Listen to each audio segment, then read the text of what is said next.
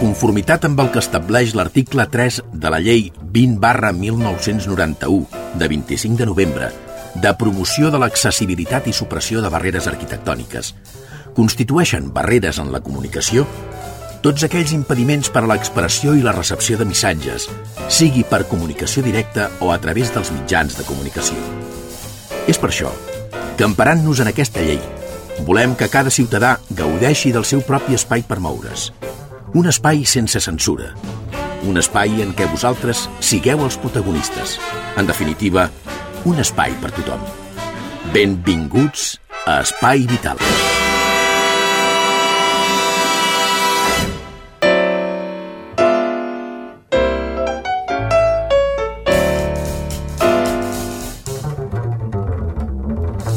Salutacions, benvinguts a tothom, tots aquells que ens escolteu des de casa. Això és l'Espai Vital i aquí tenim a la Teresa Diviu, que és la nostra cuinera adaptada i que, com sempre, la presentem i la saludem, la primera de totes, per deferència. Teresa, bon dia. Bon dia a tothom, ben, ben trobats a tothom.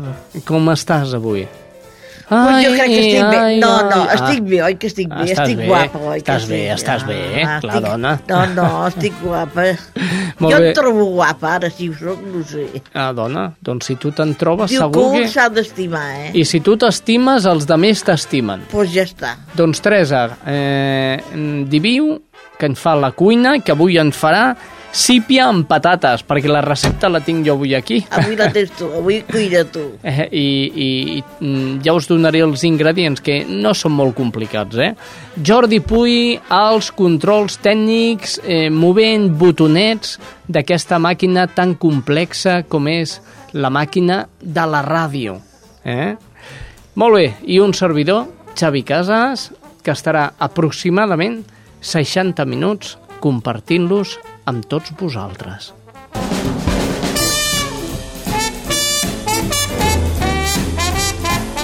Estàs escoltant Espai Vital.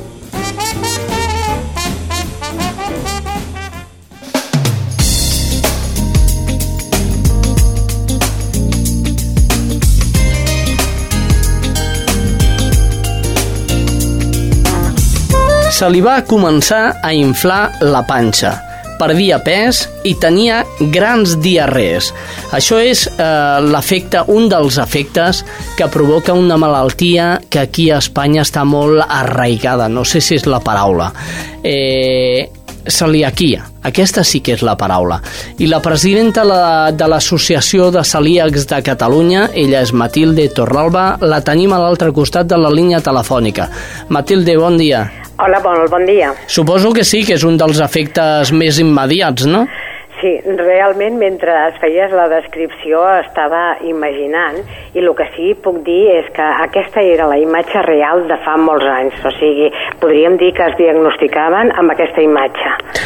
Molt En- Qui, eh, quins efectes eh, té aquesta malaltia?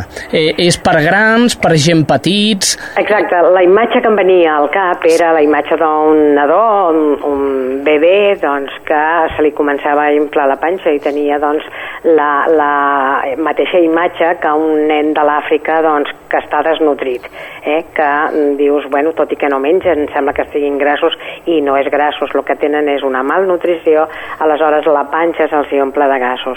Això és el mateix que els hi passen als nens celíacs eh, no diagnosticats, perquè eh, el fet de no estar nutrits provoca aquestes reaccions que afortunadament també podem dir que cada dia són més llunyanes tot i que en ocasions en què no poden arribar a, a detectar-li és, és, és encara comú eh? el fet de que en el, a molts metges eh, se'ls despisti el tema i vagin buscant qui sap què sense pensar en una malaltia celíaca doncs aquesta podria ser la imatge En aquest sentit estem parlant eh, que és una malaltia de persones, de gent molt jove? És una malaltia de tothom.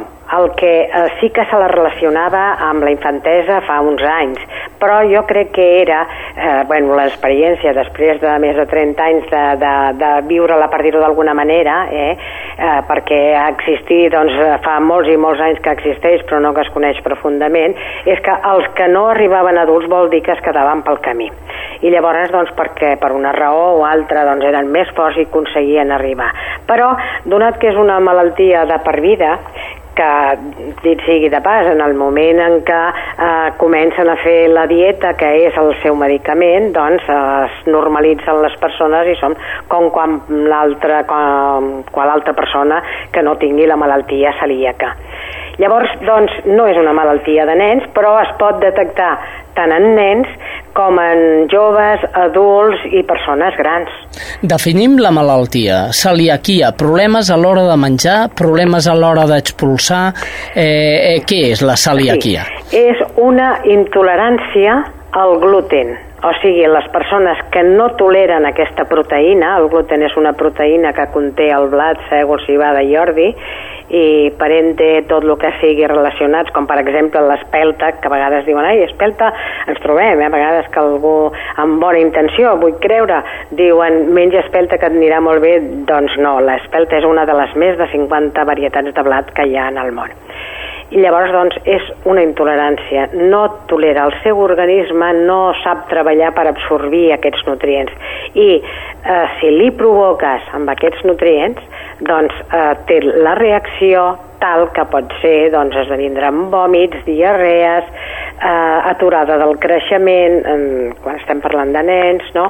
Mm, mals de cap, les ungles eh, que, que, este, que estan dèbils, el cabell també està així com, com pobre, diguéssim, les natxes eh, estan com arrugadetes, o sigui, imagina't un, un, un nen de 2, 3, 4 anys amb natxes com les d'una persona de 80-90 anys. Eh?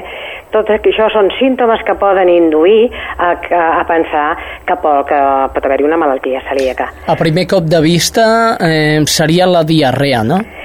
Sí, això és el que podríem dir la, els símptomes més comuns. Però eh, té, aquesta malaltia té, té això, que es pot presentar de manera normal, diguem-ho així, i de manera asimptomàtica. Els símptomes clàssics podríem dir que són els que acabo de descriure, però llavors també hi ha els símptomes asimptomàtics, o sigui, anem a veure una noia que hagi arribat doncs, adulta, potser eh, més o menys trobant-se d'aquella manera, perquè quan es fa un retrocés en el, la història d'aquesta persona, sempre hi ha el, mm, quelcom que diu, si és veritat, jo quan era petit o petita, doncs no podia fer això, jo no sortia perquè tal o qual. Bueno, però per la raó que sí, que la seva naturalesa és forta, fort, ha arribat adult, i aleshores doncs van buscar un fill i no es queda embarassada. O es queda embarassada i perd els embarassos. Doncs una de les coses que s'ha de tindre en compte és que pot ser que hi hagi una malaltia celíaca. En el moment que es tracta doncs eh, la persona es pot quedar embarassada i no hi ha cap problema. I això curiosament també passa en els homes si els homes aquests problemes sí no tenen avorts perquè el bebè no el tenen a dins ells, no. però sí que bueno, no es queda embarassada, no es queda embarassada, què serà, què serà? Bueno, doncs es fan les proves i en algunes ocasions s'ha diagnosticat la malaltia celíaca en el papà i, i bueno, comença a fer la dieta sense gluten, que és l'única medicina, i no solament guanya en qualitat de vida i salut, sinó que a més a més doncs, eh, poden tindre, tindre fills. Des d'Espai Vital fem una crida a tots els papes del món que si no poden tenir fills es mirin eh, què és el que, que mengen, pensin, no? què és el que mengen, com a mínim. Sí, sí, sí, eh. que, es, que es determinin els anticossos. Avui en dia la ciència doncs, ha adelantat tant que ja tenim doncs, eines a l'abast inclús a la farmàcia. O sigui, en aquests moments hi ha doncs una, una eina que es fa amb una punxadeta com, com els diabètics, que és potser més conegut no per mirar com estan de glucosa i tal, doncs en aquest moment també es pot fer una punxadeta i eh, t'identifica si tens aquests anticossos, que són els anticossos antitransglutaminasa. Eh? I a partir d'aquí, si això donés positiu, ja hi pots anar a missa. Com Sen... la qual directe al gastroenteròleg a confirmar el diagnòstic. Eh, senyora Torralba, eh, si em permets que et digui senyora Torralba... Bueno, eh, com lo jove que deu ser tu. És possible, és possible eh, la curació d'aquesta malaltia? No, la malaltia no es cura, tot i que eh, sí que es pot dir que és una malaltia que, diguem-ne, encara no se'n sap prou.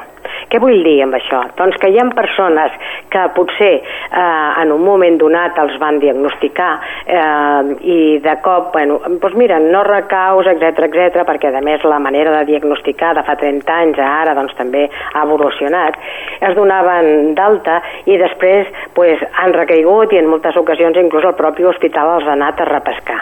Què vol dir això? Que pot ser que algú eh, diu jo és que ho era i em vaig curar. És bastant comú, eh? sentir això, sobretot amb mares a l'escola i tal. No pateixis que el meu fill ho tenia i s'ha curat. No, anem a veure. O no s'ha curat eh, i en qualsevol moment pot recaure o el que tenia no era una malaltia celíaca, perquè, per exemple, diarrees o intolerància a la lactosa, alguna cosa d'aquestes, també la poden tindre els nens sense necessitat de que hi hagi una celiaquia. Resumint, diríem que és una malaltia crònica o no? És una malaltia crònica. Sí, sí, sí, és una malaltia crònica, el que passa és que ha d'estar ben diagnosticada. Ah Molt bé, eh, mm, com dèiem, la ciència ha avançat moltíssim i ara un nano amb celiaquia pot viure, abans es morien. Si no es diagnosticava a temps, sí. De fet, els que ja tenim una edat, recordem potser el pediatre, tal i qual nen, doncs, eh, es, sempre tenia problemes de panxa i el metge li feia menjar plàtans. Uh -huh. eh, que a vegades, quan no mengis tants plàtans, que agafaràs una indigestió. Bé, doncs eh, aquest, aquest saber de pediatres de fa molts anys que era una manera doncs, de curar o de protegir l'intestí eh, d'aquests nens i amb la qual molt probablement n'havien salvat molts i han arribat adults i després doncs, a l'hora d'arribar adults doncs, es pot reproduir la situació que acabem de comentar i es diagnostica i bueno, avui en dia no solament se'n sap més, s'encerta, hi ha mitjans analítics, mitjans afortunadament també per controlar els productes, cosa que anys enrere doncs, no teníem i bueno, doncs almenys eh, quan tens un, un problema i no se't troba el què, sempre penses malament, eh? Mm, doncs gairebé es donen les gràcies quan tens, eh, vas darrere d'un consultori amb un altre i arriba un moment en què et diuen doncs tens eh, la malaltia celíaca, bé, ja sé el que tinc, doncs ara mengem. I mengem bé i, mengem, i fem salut, en realitat. Molt bé, aquest punt és quan la gent s'hauria de posar en contacte amb l'associació de celíacs, en aquest cas de Catalunya, i uh -huh. vosaltres el derivaríeu a, al metge o li explicaríeu el què? No? A l'inrevés. Ah, ah, bé, està bé això. Molt bé, el malalt va al metge i el metge diu aneu a l'associació que us explicarà. Sí, sí, mm. home, òbviament també ens trobem en situacions que algú arriba eh, o et pregunta, perquè és clar tots mm. coneixem a molta gent, eh, però el que nosaltres fem abans de res és dir-li té aquests símptomes, doncs el que vostè ha de fer és anar amb un especialista gastroenteròleg i si és un especialista que coneix el que és la celiaquia, doncs mira, millor, perquè ja, ja aniran a peu, a peu, a preu fet. I aleshores doncs s'han de determinar aquests anticossos en sang i el metge doncs eh, opinarà si cal doncs fer la biòpsia o la gastroscòpia corresponent. Per tant, es prenen mostres perquè el que passa és que es destrossen les velocitats de l'intestí. O sigui, imaginem-nos que és com un camp de gespa, doncs mm, si està atrofiat l'intestí es queda doncs, com si l'haguessin segat, imaginem-nos, no? Mm -hmm. i eh, a partir d'aquí doncs diran sí, doncs tu tens això, a partir d'ara has de menjar sense gluten i com ho faig? Doncs a l'associació. Llavors sí, arriben nosaltres i és clar, què li proporcionem? Doncs li proporcionem des de, mira, a partir d'ara has de fer així la teva vida, has de tindre en compte això, allò, allò altre, els estris de cuina, com cuinar, quina cosa tan simple com fer un, un caldo, una escudella, eh, anem a veure, eh, no tiris pilota, perquè eh, si la pilota no l'has fet tu i l'has lligat amb farina sense gluten o amb farina de galeta sense gluten que s'acostuma a lligar, doncs aleshores aniria el caldo i no podries menjar ni la pilota ni el caldo, etc etc etc. Eh? Realment, eh, i llegeixo dades esfereïdores que és mm. una cada, cada 100 persones és celíaca al nostre país però no estan diagnosticades. No estan diagnosticats no saben que ho són. per lo que han d'anar al metge clar. Eh? O sigui, és allò que diem, ben segur que eh, hi ha molta gent en el carrer eh, que es troba malament, que no sap el que li passa i és possible que sigui una d'aquestes eh, persones que no se li ha diagnosticat la malaltia. Hi ha diversos tipus de, de la celiaquia, diferents graus? Perquè jo entenc que una persona que agafi unes cagarrines, per exemple, no vol dir que sigui celíac. També pot és dir evident. que I per podria una ser... altra banda, Ah, un celíac també pot eh, tenir unes cagarrines sense ser perquè hagi menjat gluten. Efectivament. Eh? Mm. Això és, és així de clar. I, però mm, sí que eh, s'ha de, de tindre en compte eh, o pensar-ho, vull dir, si ets celíac, més o menys el primer que fa és, jo què sé, fer un repàs mental. Què he fet? Val? perquè eh, jo que sé, pot ser que eh, si ve de cop, per dir-ho d'alguna manera doncs pot ser que hagi anat a algun lloc que no coneixem perfectament el que suposa eh, el fer la dieta i doncs eh, li hagin posat gluten eh, esperem que sense consciència d'això no? i eh, hi ha gent que és mm, que reacciona automàticament per això que deia vostè dels graus i eh, hi ha gent que no reacciona i en canvi el mal li va fent o sigui, podríem dir que la persona que reacciona immediatament té un avantatge, és que sap, sap per què reacciona. Eh? Ah. Per una contaminació, per quelcom, pum. Però altra persona, doncs no, i aleshores, doncs, si no s'ho cuida, pot ser que, bueno, doncs el budell es vagi afectant, afectant, afectant. Però, bueno, sí que és veritat, de fet, hi ha diferents, diferents eh, formes de, de diagnosticar-ho, Eh, de, molts en diuen, jo, que, tu què tens? Jo tinc un 2, jo tinc un 4. Eh? Bueno, doncs podríem dir que, és, que això són els graus que, a què vostè es referia. Com, com es graduen aquests graus? No, això és una, una, una visió òptica que fa el patòleg eh, i l- en funció de com està atrofiada la biòpsia. Eh, això ho va definir un metge anglès que es diu eh, Michael No és igual, un metge anglès. Sí. bé.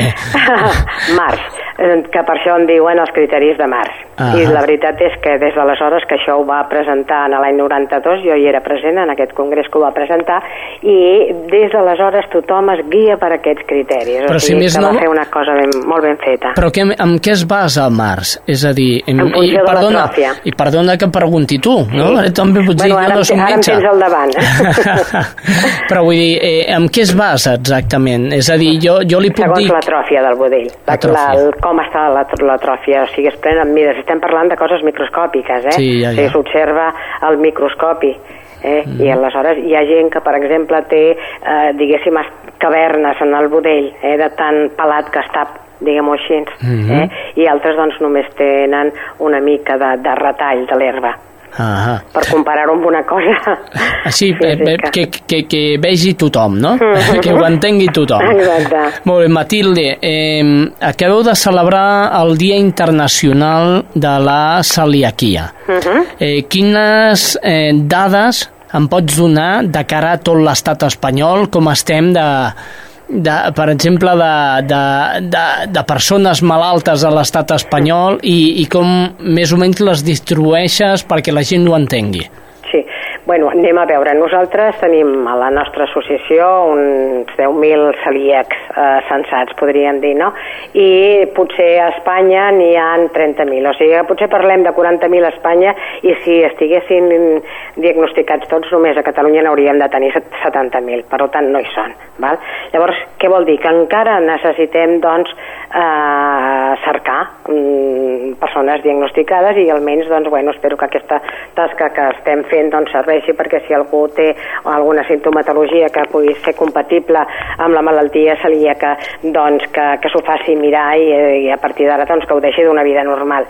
Però, és clar, les, les dades són això, dades, i quan es fan eh, estadístiques, doncs el mateix. Es- mm, es- S'estudia una part de la població però eh, i és en base a aquesta part de la població i sembla que es confirma arreu del món eh?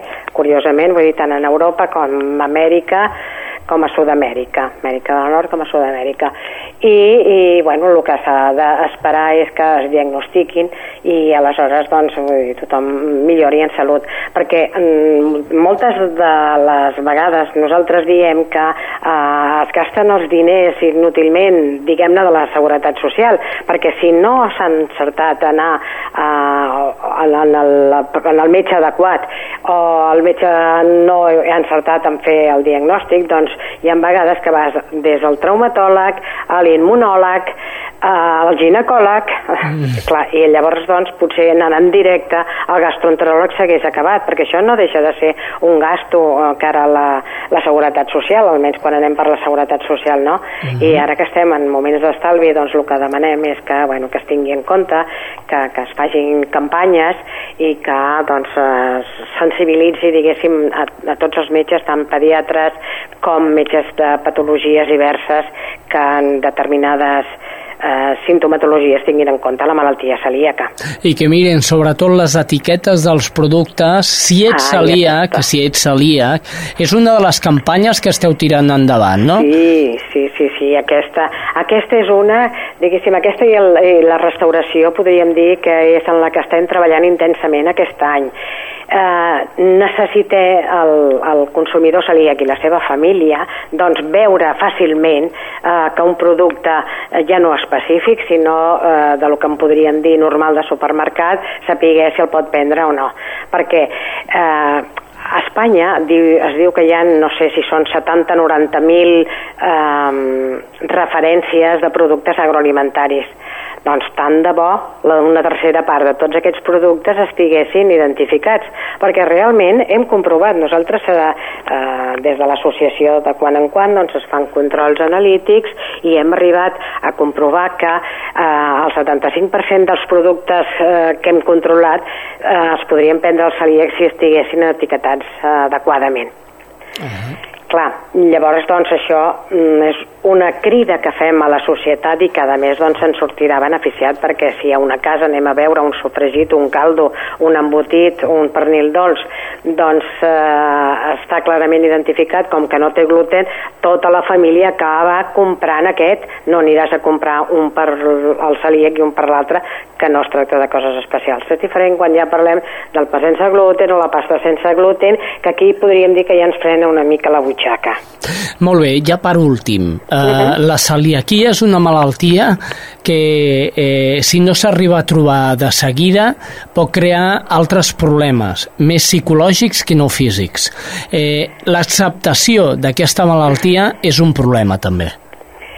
Bé, pot crear altres problemes mm, psicològics però també físics. Eh? Uh -huh. Perquè, per començar, si la malaltia no està ben tractada com, com, com a tal, o sigui, si no es deixa de menjar gluten, i aquí podem contemplar les possibles transgressions que es facin fent, volguent o no volguent, doncs eh, es pot esdevindre, esdevindre en un linfoma. Però ben és cert que el celíac, en moltes ocasions, i sobretot avui a dia, que tenim a l'abast tantes coses, el pensar que has de prescindir de quelcom i el reste de la gent no, això és el que et sembla, no? Uh -huh. Que és l'únic, doncs això provoca inclòs la necessitat de que realment doncs, et tracti un psicòleg. De fet, a l'associació tenim eh, servei, tant tenim un departament tècnic, hi ha una dietista i tecnòloga dels, dels aliments, però tenim, bé, tenim també un servei de psicologia, perquè curiosament, eh, i no sols el necessita el propi celíac, sinó que de vegades són els pares els que necessiten mm, assumir que no són ells els culpables de que els seus fills sigui celíac i això hi ha vegades que passa per la consulta d'un especialista. La malaltia celíaca, una malaltia que està molt arraigada al nostre país i l'Associació Catalana eh, de Celiaquia eh, us pot informar de tot això i moltíssimes coses més. Quina és la manera de posar-se en contacte amb vosaltres?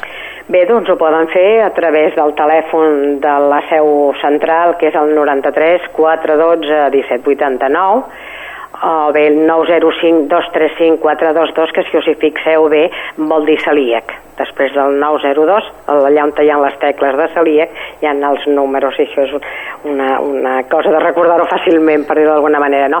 Però també tenim un web, eh, tenim una pàgina web que és eh, www.celiacscatalunya.org i aquí doncs, poden contactar amb nosaltres a través de correu electrònic i evidentment doncs, els hi oferirem doncs, tot el que necessitin i esperem que sigui tot el necessari.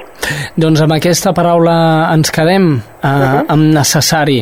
És necessari l'associació de celiats de Catalunya? Jo us dic sí. Matilde Torralba, presidenta d'aquesta associació, moltíssimes gràcies per atendre els micròfons d'Espai Vital. Molt bé, moltíssimes gràcies a vosaltres una vegada més. Estàs escoltant Espai Vital. Molt bé, doncs ara anem a fer la roda informativa mm, per Cerdanyola, Ripollet, Montcada, Barberà, Santa Perpètua i Sabadell per conèixer quines són les novetats en quant a la sanitat eh, tenen cada poble, novetats sanitàries. Teresa, Hola, anem-hi, som-hi. pujo la cadira? Puja, va, arrenco. Vinga, A la primera o la segona anem. fica la primera, que si no tu és que corres massa, Teresa. Sí, sí. Sí, avui t'he vist que una mica més vas passar com el Castro. El Castro també agafava cadira no, no, i... ell va més de pressa que jo. Sí, no? Bé. Doncs va, posa la primera. Va, Va. comencem amb Ripollet. Allà es troba la Reme Herrera. Aquesta és la crònica. Bon dia, Xavi. Avui des de Ripollet us expliquem que la nostra població s'ha sumat a la commemoració del Dia Mundial sense tabac que se celebra el 31 de maig, tal i com va fixar l'Organització Mundial de la Salut. Per aquest motiu, la Regidoria de Salut Pública de l'Ajuntament de Ripollet ha realitzat una intervenció de caràcter informatiu al Parc Ansat Clavé davant del Caput de Ripollet. L'objectiu de l'actuació que va tenir lloc durant tot el matí és informar sobre els perjudicis del tabac i els mètodes existents per deixar de fumar. Es van realitzar coximetries per determinar el CO2 a l'aire aspirat i un petit qüestionari a totes aquelles persones interessades. Les dades obtingudes formaran part d'un estudi més ampli que realitzarà conjuntament amb el CAP Serraperera de Cerdanyola del Vallès. La intervenció compta amb la col·laboració del personal del CAPU de Ripollet, voluntaris de l'Associació Espanyola contra el Càncer i els laboratoris Fisher. I això és tot per avui, fins la setmana vinent. Gràcies, Reme Herrera. Anem corrent, corrent cap a Montcada. Allà qui es troba, Teresa? Ara estava jo a Montcada, fent Montcada, és la, no és la Sílvia Díaz. Doncs anem amb la Sílvia Díaz. Endavant.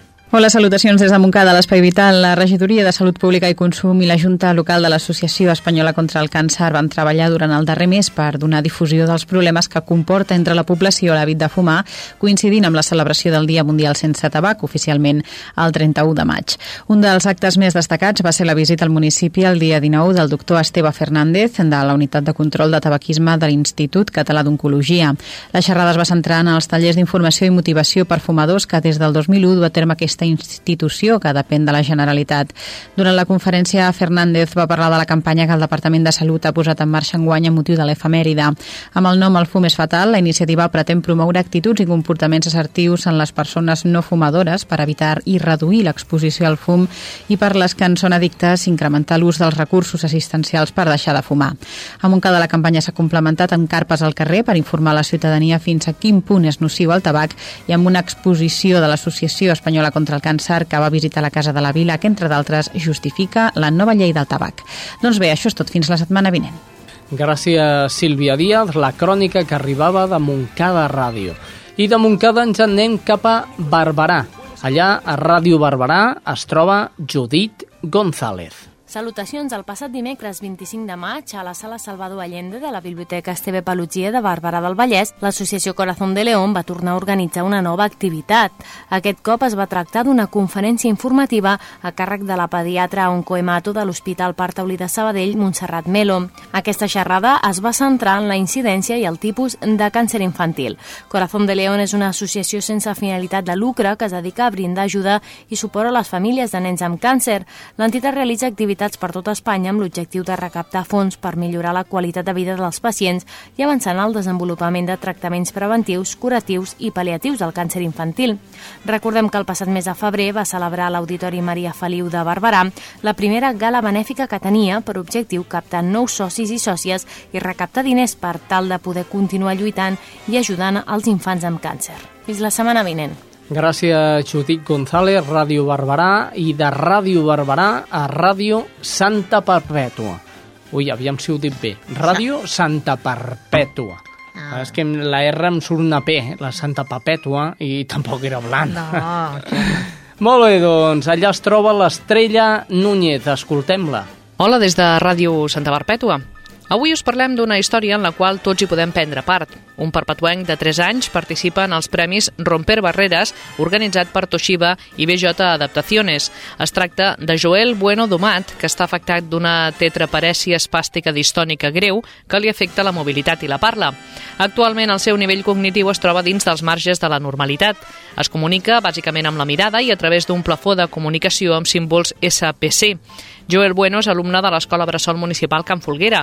La seva candidatura als Premis Romper Barreres du per títol Buenos días mundo, aquí estoy i competeix amb altres vuit candidats. Per obtenir el premi cal aconseguir més vots que els altres concursants. Les votacions s'han de fer a través de la pàgina web www.premiosromperbarreres.es.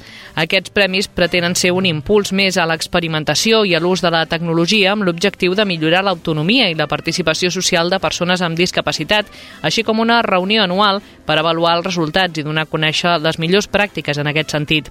El primer premi individual suposa un premi de 6.000 euros i diverses eines relacionades amb les noves tecnologies per millorar el nivell de vida de l'infant. Si voleu donar suport a aquest perpetuenc, no dubteu a votar Joel Bueno al web www.premiosromperbarreres.es. Fins la setmana vinent. Gràcies, Estrella Núñez. A veure, Santa Perpètua. Tu dius bé, això? Santa Perpètua. Veus? Si, si jo t'ho dic jo, que tu parles millor que jo ja. Oi, si jo estic molt malament, eh? No Oi. tampoc per vocalitzar... Oh, malament, malament, eh? malament, malament, malament. Oh, sí, a veure. Malament és el que tu vols semblar, però no és així, senyors. No, Anem a, anem a Ràdio Sabadell. I ara ràdio ho he dit bé. Uh, allà es troba la Karen Madrid. Escoltem-la. Salutacions des de Sabadell. Les persones que pateixen algun tipus de dependència, independentment de la seva edat, ja tenen un certamen propi.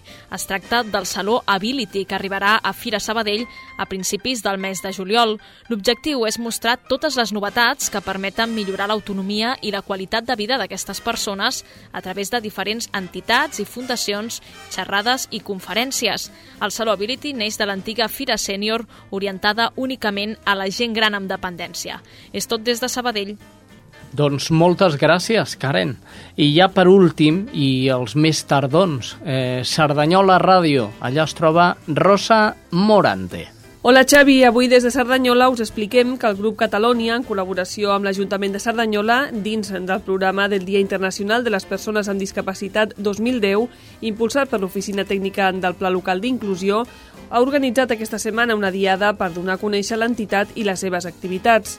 El grup Catalònia engloba quatre entitats sense ànim de lucre que tenen com a finalitat l'atenció de persones amb discapacitat intel·lectual, sigui quin sigui el seu grau de discapacitat, malaltia mental afegida i trastorn de conducta. Actualment compten amb 13 serveis, 6 són a la població de Cerdanyola, una a Montcada i Reixac, una a Ripollet i 4 a l'àrea del Maresme. Contemplen serveis en de dia, com ara tallers ocupacionals, vivenda, residències i llars residencials, així com un centre especial de treball.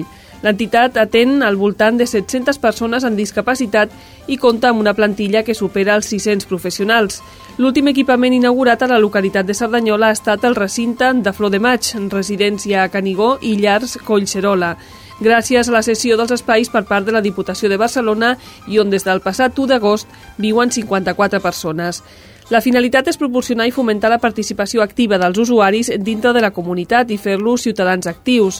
A través de la Comissió de la Discapacitat de l'Ajuntament de Cerdanyola han pogut començar a donar a conèixer el col·lectiu a la resta de la població. És per aquest motiu que aquest any, aprofitant la Diada de la Discapacitat, que recordem que se, se celebra el 3 de desembre, es va donar la possibilitat a la comissió de fer una Diada lúdica. Des de la institució han volgut aprofitar i celebrar aquest, aquests eh, tres moments. La creació de l'equipament com un servei més que enriqueix la cartera de serveis del municipi, la celebració de la Diada de la Discapacitat i donar a conèixer a la població les noves instal·lacions, així com la tasca que realitza el grup des de fa quasi 40 anys, d'una manera molt especial. I això és tot des de Cerdanyola Ràdio.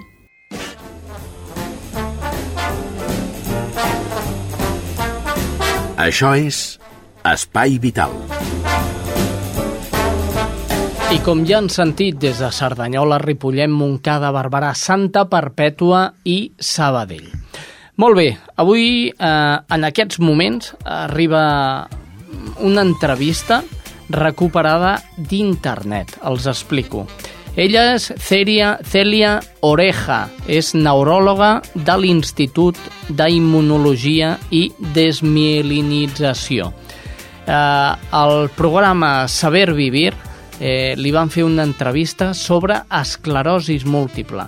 Aquí sabreu mm, què passa amb l'esclerosi múltiple, eh, quins efectes té, quines seqüeles comporta aquesta malaltia, com també, com també poden saber que és el dia 25 el que s'ha celebrat el Dia Internacional o Mundial de l'esclerosi múltiple.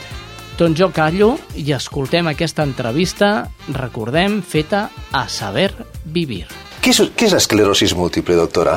La esclerosis múltiple es una enfermedad neurológica eh, autoinmune, es inflamatoria, es desminizante y es muy importante porque la esclerosis múltiple es una enfermedad que afecta sobre todo a personas jóvenes sobre todo eh, mujeres, y que están entre unas edades entre los 20 y los 40 años.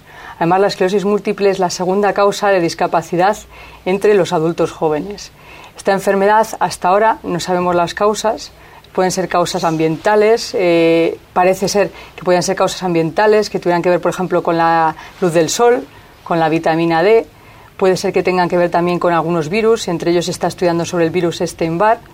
También puede, dicen que tiene que ver, por ejemplo, con la higiene y por eso, igual que hay más alergias, puede ser que también eh, hay más enfermedades autoinmunes. Y luego también está la parte genética, que parece que tiene también que ver con algunos eh, genes que están más relacionadas en, en algunas de estas personas. Claro, entiendo que si las causas no son del todo conocidas, también será más complicado el diagnóstico precoz, que entiendo, no obstante, que es importante el diagnóstico precoz. ¿Por qué es importante en la esclerosis múltiple ese diagnóstico precoz, doctora Oreja? Sí, el, diagnóstico es muy importante y es muy importante hacerlo pronto porque hasta, hace 15 años no teníamos ningún tipo de tratamiento y desde hace 15 años han empezado a surgir tratamientos que cambian el curso de la enfermedad. Entonces, antes no se podía, no, teníamos mucha prisa en hacer ese, ese diagnóstico porque tampoco podíamos ofrecerle nada al paciente. Actualmente, eh, al tener varios tratamientos, es muy importante diagnosticarlo pronto porque al diagnosticarlo pronto podemos emplear esos tratamientos y hacemos que la evolución de la enfermedad cambie de tal forma que si antes los pacientes en 15 años llegaban a una discapacidad para estar en ruedas, actualmente con los tratamientos nuevos tardan más 20-25 años, con lo cual estamos ganando años en los que los pacientes no están discapacitados. Por eso es tan importante que, el, que el daño no exista, o sea, que cuanto más tiempo pase sin tratamiento, esos pacientes tienen más daño, que digamos son daños en las neuronas, un daño axonal. Y si hay más daño axonal, este daño es irreversible y son zonas del cerebro que ya no se pueden recuperar por lo tanto, esa zona, ya después de que le damos el tratamiento, ya no podemos hacer nada. Si lo que hacemos es que no se dañen las zonas, entonces el paciente está más tiempo eh, sin estar discapacitado. ¿Y tienen los médicos actualmente, disponen ustedes de pruebas diagnósticas suficientes, al menos para ayudarles en la medida de lo posible a ese diagnóstico precoz? Eh, sí, actualmente, afortunadamente, tenemos la resonancia magnética que se, se puede hacer en cualquier sitio, eh, no es un problema ya de medios económicos y con la primera resonancia magnética ya podemos establecer por lo menos una sospecha de diagnóstico y al mismo tiempo la primera resonancia magnética también nos va a servir de factor pronóstico. Dependiendo del número de lesiones que tenga el paciente en la primera resonancia, ya podemos saber un poco cómo va a ser el curso de la enfermedad de ese paciente. De tal forma que si el paciente tiene muy pocas lesiones, menos de 4 o 5, sabemos que el pronóstico va a ser bastante bueno, mientras que el paciente tiene ya más de 10, sabemos que el pronóstico va a ser un poco peor. Con lo cual es muy importante hacer una resonancia tan pronto como se sospeche el diagnóstico. Y aparte de la resonancia magnética, también se puede hacer la punción lumbar, la punción lumbar ya eso hay que hacerlo siempre en un sitio especializado, en un hospital o en una consulta de neurología, que también nos va a dar información tanto del diagnóstico como del pronóstico. Y ya combinando las dos pruebas y lo que nos cuenta el paciente, los síntomas, entonces ya con eso vamos a tener, vamos a poder hacer el diagnóstico de esta enfermedad. Tenemos ya el diagnóstico, doctora, ¿cuál es la estrategia de tratamiento actual? La estrategia es, eh, una vez que ya tenemos el diagnóstico y que tenemos más, más o menos más de 8 o 9 lesiones en la resonancia magnética, eh, tenemos unos medicamentos que se llaman inmunomoduladores que cambian, modifican el curso de la enfermedad y que digamos así son de primera línea. hay cuatro medicamentos que son interferones o el acetato de glatiramero y entonces empezaríamos con estos tratamientos en el paciente hasta que ya veamos que no sean eficaces. Y luego tenemos otro tratamiento que es para las esclerosis múltiples más agresivas, que es el natalizumab, y que esto lo aplicaríamos o cuando el paciente tiene una enfermedad más agresiva o en segunda línea. Cuando los pacientes no han, no han respondido bien a los medicamentos de primera línea, entonces les podemos dar lo que se llama un medicamento de segunda línea, que ya serían los inmunosupresores, que podría ser la natalizumab o la mitosantrona, o ya tendríamos que pasar a otro tipo de medicación ya más fuerte, como la ciclofosfamida o, el, o el, la citoprina. Gente joven, pronósticos inciertos, intento de que tengan una buena calidad de vida, eso está clarísimo. ¿Con qué parámetros se mide la calidad de vida de un enfermo con esclerosis múltiple, doctora? Sí, es muy importante exactamente cuando nosotros al paciente le diagnosticamos esclerosis múltiple, pues se les viene el mundo abajo. Claro y entonces es importante porque ellos piensan a partir de entonces no van a tener calidad de vida. Entonces, eh, los parámetros que nosotros utilizamos para medir la calidad de vida son de dos tipos. Son escalas que los pacientes nos rellenan unas encuestas y son escalas o muy generales, que son escalas en las cuales se les pregunta sobre la salud eh, y la enfermedad, y luego hay unas escalas que son, por ejemplo, el SF36 o el, o el Eurocol, que son muy conocidas en todo el ambiente médico, y ya cuando el paciente se le hace primero una escala general y luego les hacemos una escala específica de esclerosis múltiple. Dentro de ellas hay dos o tres, como es la FAMS, la MusicCol o la MS-COL 54, que son específicas de esclerosis múltiple y en las cuales se hacen preguntas, por un lado, de movilidad, cómo el paciente se puede mover, si puede ser libre o puede va con bastón o con silla de ruedas. Se pregunta sobre las alteraciones urinarias, que esto impide mucho la calidad de vida del paciente porque hace que su vida social eh, esté girando en torno a estas alteraciones muchas veces, en cuanto a las alteraciones sexuales, que es muy importante para muchos pacientes, en cuanto a las a la discapacidad física, o sea, si tienen otros síntomas motores, y luego también en cuanto al estado emocional. Entonces, todas estas escalas nos hacen preguntas de esto y con esto sabemos que el paciente si él tiene la percepción de que su enfermedad le está eh, afectando a la calidad de vida o no le está afectando. ¿Los tratamientos eh, inciden en la calidad de vida? Sí, los tratamientos inciden en la calidad de vida de dos formas. Por un lado, eh, los tratamientos que hemos comentado que son inmunomoduladores, estos tratamientos, eh, digamos así, lo que hacen es que el paciente va a tener una calidad de vida a largo plazo, porque como estamos haciendo que el paciente tenga más tarde la discapacidad, quiere decir que le estamos mejorando su calidad de vida. Pero la otra cara de la moneda de estos tratamientos inmunomoduladores es que como son inyectables y tienen ciertos efectos secundarios eh, que vienen propios de, por un lado, que se están inyectando y les pueden producir alteraciones cutáneas y también el hecho de que tienen que estar llevándose la inyección a todos los sitios, pues esto hace que los pacientes los tratamientos los vean como una merma de su calidad de vida. Puesto que ellos piensan que, claro, las alteraciones cutáneas, los efectos secundarios, el tener que estar siempre pensando en la inyección, les impide ciertas eh, relaciones sociales o ciertos, ciertas, a veces en el trabajo, les impide hacer su vida como antes normal a razón del tratamiento. Por lo tanto, los tratamientos se ven, por un lado, que dan una mejor calidad de vida a largo plazo, pero por otro lado, en el día a día, los pacientes los ven como que les quita calidad de vida. De, lo general me gustaría ir a lo particular, ya que antes hablaba del natalizumab. Eh, ¿Qué ha aportado esta molécula concretamente en la calidad de vida del paciente con esclerosis múltiple? Sí, esta molécula, o sea, el natalizumab, ha mejorado la calidad de vida por dos, en dos, en dos, de dos formas. La primera forma es una forma directa, o sea, que los pacientes que toman el natalizumab son pacientes que luego van a mejorar. Como el paciente se encuentra mejor porque realmente tienen menos discapacidad, porque hay muchos síntomas que le mejoran, claro, el paciente al encontrarse mejor tiene mejor calidad de vida y él ya es una percepción que ellos tienen. Y luego de una forma secundaria, puesto que como el natalizumab solo se pone una vez al mes, el paciente por un lado se quita el estar todo el día pinchándose con, con los otros autoinyectables, y luego que eso le está recordando continuamente que tiene esa enfermedad y que no puede hacer otra cosa, eh, tiene que siempre pensar en su tratamiento por otro lado está las inyecciones que no se tiene que pinchar, no tiene esas alteraciones cutáneas. Y otra cosa muy importante es la fatiga, porque todos los eh, tratamientos inmunomoduladores producen fatiga y la enfermedad al mismo tiempo produce fatiga, con lo cual los pacientes están muy cansados. El natalizumab no produce fatiga y entonces eso hace que además el paciente se encuentre mucho mejor, con lo cual todos dicen que su calidad de vida aumenta. Y además esto, si no solo es que lo digan los pacientes y nosotros lo veamos, sino que se han hecho en grandes estudios, se han aplicado las escalas que he mencionado anteriormente y se ha visto que realmente en estas escalas podemos ver que realmente los pacientes tienen una mucho mejor calidad de vida. La esclerosis múltiple, doctora Celia Oreja, muchísimas gracias por su tiempo. Muchas gracias. Buenas tardes. Buenas tardes.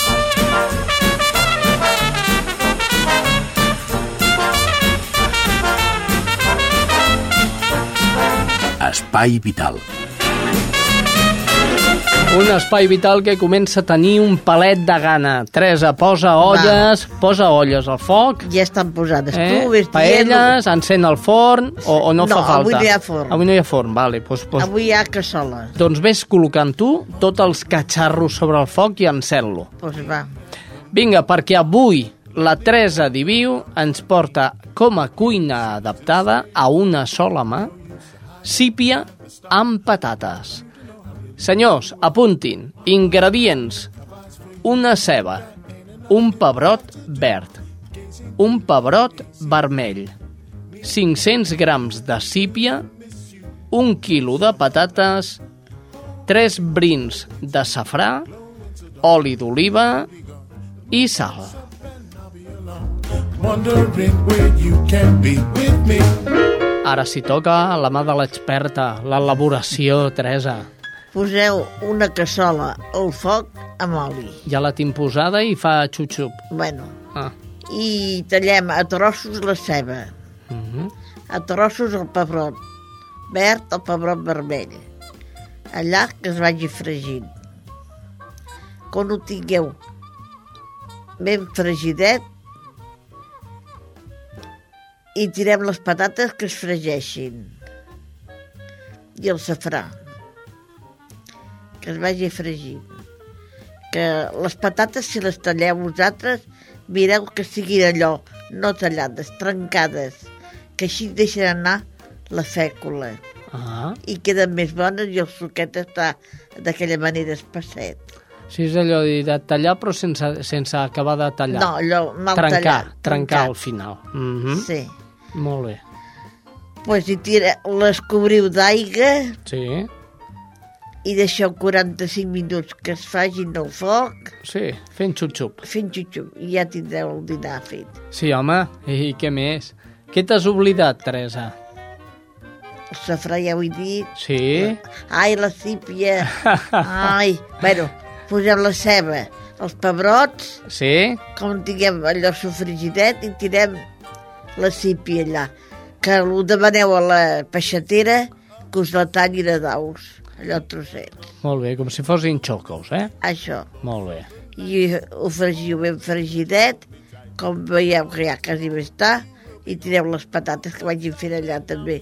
Una remenada que agafin allò, Mm. el suc. I com d'això, hi tireu les branques de safrà Sí. i cobriu d'aigua. I deixeu 45 minuts que es vagi fent el xup-xup i ja està. I bon profit. I si quan al final proveu, si falta sal, li tireu. Si no, pues ja, si està bé, pues ja està bé. Si no, tireu sal. Molt bé, Teresa, has tingut un fallo avui, eh? sí, jo ja al meu cap ja Et descomptaré, falla, falla. eh? Et descomptaré. Això d'aquest hores... T'havia pujat, t'havia pujat el sou, te'l vaig triplicar, no te'n recordes? Bueno, pues ara molt Eh? dobles. No, no, no, que, que nasso. Bueno, mo- bueno, si no, ara, ara te'n trec una mica. Ben, tres un Eh? quart. Molt bé, Jordi Puy, el control tècnic, Teresa Diviu, simpàtica com sempre, la iaieta del nostre programa, la cuinera, i un servidor, Xavi Casas. La setmana vinent hi tornarem. Us deixem amb això, que encara ben bé no sé com sonen, però sé que són el Quico Urcelio i el noi de Ferreries. La Teresa diu que són divertits. Bé, creiem, creiem que sí. Escolteu-lo.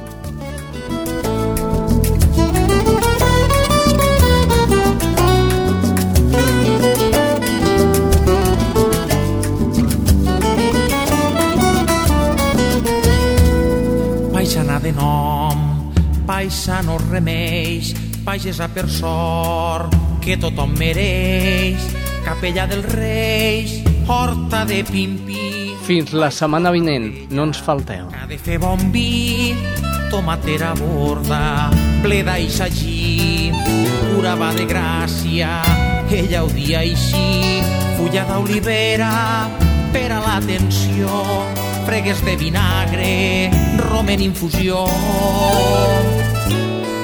Ai, Pepeta paisana, mans d'aigua i de saó, dies de llum ben blava baix la parra en la mirada d'aquells ulls plens de raó. Quan la veu tinc trencada, que ja no estàs, de sol a sol no parlo i la veu apuntada al és que si es te pot cantar.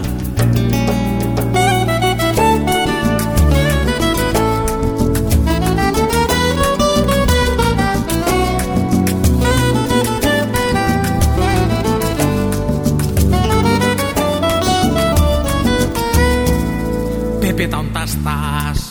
Què m'has de curar? Que el mal de gola no em deixa parlar. Pot ser una oració, frígola pot ser, que m'he de posar? Veigues que he de fer pa posar les mans calentes de fang. Aquí no tinc res per a patir tant. I com a remei quasi no et cal res, calla tot un dia i no xerres més. Pepeta paisana, mans d'aigua i de saó, dies de llum, vent, blava baix de la parra en la mirada d'aquells ulls plens de raó. Quan la veu tinc trencada, ara que ja no estàs de sol a sol no parlo i la veu apuntada al les gràcies te pot cantar